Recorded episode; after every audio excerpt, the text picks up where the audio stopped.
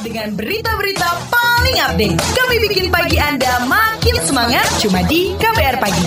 Kita keliling Indonesia dan kita awali dari Rembang. Pemerintah Kabupaten Rembang, Jawa Tengah memasang alat deteksi dini di daerah rawan longsor. Selengkapnya bersama kontributor KBR ada Musyafa di sana. Selamat pagi. Ya, selamat pagi. Badan Penanggulangan Bencana Daerah BPBD Kabupaten Rembang, Jawa Tengah memetakan daerah rawan banjir dan tanah longsor. Untuk daerah rawan longsor di Kabupaten Rembang lebih banyak ketimbang rawan banjir, yakni mencapai 16 desa. Khusus rawan longsor, pihak Badan Penanggulangan Bencana Daerah BPBD telah memasang alat deteksi dini di tiga lokasi yakni Desa Bendo, Kecamatan Suke, Desa Sendang Coyo, dan Goa, Kecamatan Lasem. Alat tersebut diharapkan bisa menjadi semacam tanda ketika ada pergerakan tanah. Kepala Pelaksana Harian BPBD Kabupaten Rembang, Purwadi Samsi, mengakui peristiwa banjir dan longsor yang terjadi belakangan ini kerap di luar peta rawan yang sudah ditetapkan. Maka pihaknya mendorong supaya masyarakat di daerah rawan bencana tetap berhati-hati karena ada ramalan curah hujan masih cukup tinggi sampai bulan April mendatang. Musyafa, R2 Birembang melaporkan untuk KBR. Terima kasih Musyafa. Selanjutnya kita ke Surabaya, Polda Jawa Timur. Bongkar sindikat perdagangan komodo dan satwa liar lainnya. Laporan selengkapnya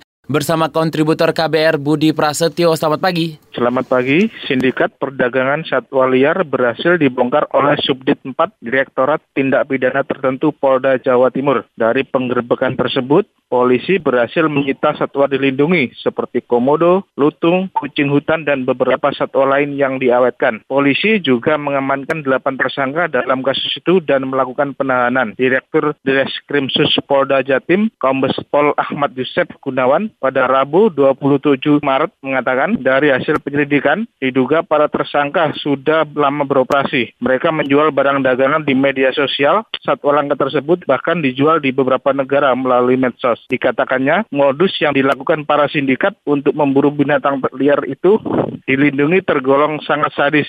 Polisi bahkan menemukan kalau para tersangka mengambil anak satwa liar dengan membunuh induknya agar hewan yang dijual itu seperti hasil penangkaran. Demikian laporan saya Budi Prasetyo, kontributor KBR dari Surabaya. Terima kasih Budi Prasetyo. Terakhir kita ke Banyuwangi. Kementerian Komunikasi dan Informatika mengungkap baru 9 juta UMKM di Indonesia yang gunakan teknologi digital. Ada kontributor KBR Hermawan di sana. Selamat pagi. Ya, selamat pagi. Kementerian Komunikasi dan Informatika Republik Indonesia mencatat hingga tahun 2018 baru 9 juta usaha mikro, kecil, dan menengah atau UMKM di Indonesia yang sudah menggunakan teknologi digital dalam memasarkan hasil produknya. Direktur Informasi dan Komunikasi Perekonomian dan Maritim, Setriana Tangkari mengatakan jumlah tersebut sudah tergolong cukup tinggi karena telah melampaui target yang ditentukan pemerintah yaitu 8 juta UMKM. Namun kata Septriana jika dibandingkan dengan pelaku UMKM di Indonesia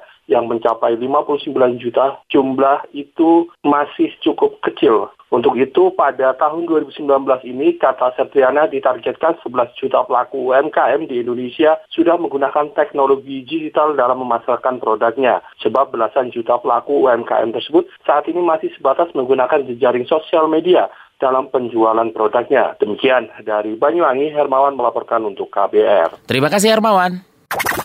KBR, inspiratif, terpercaya.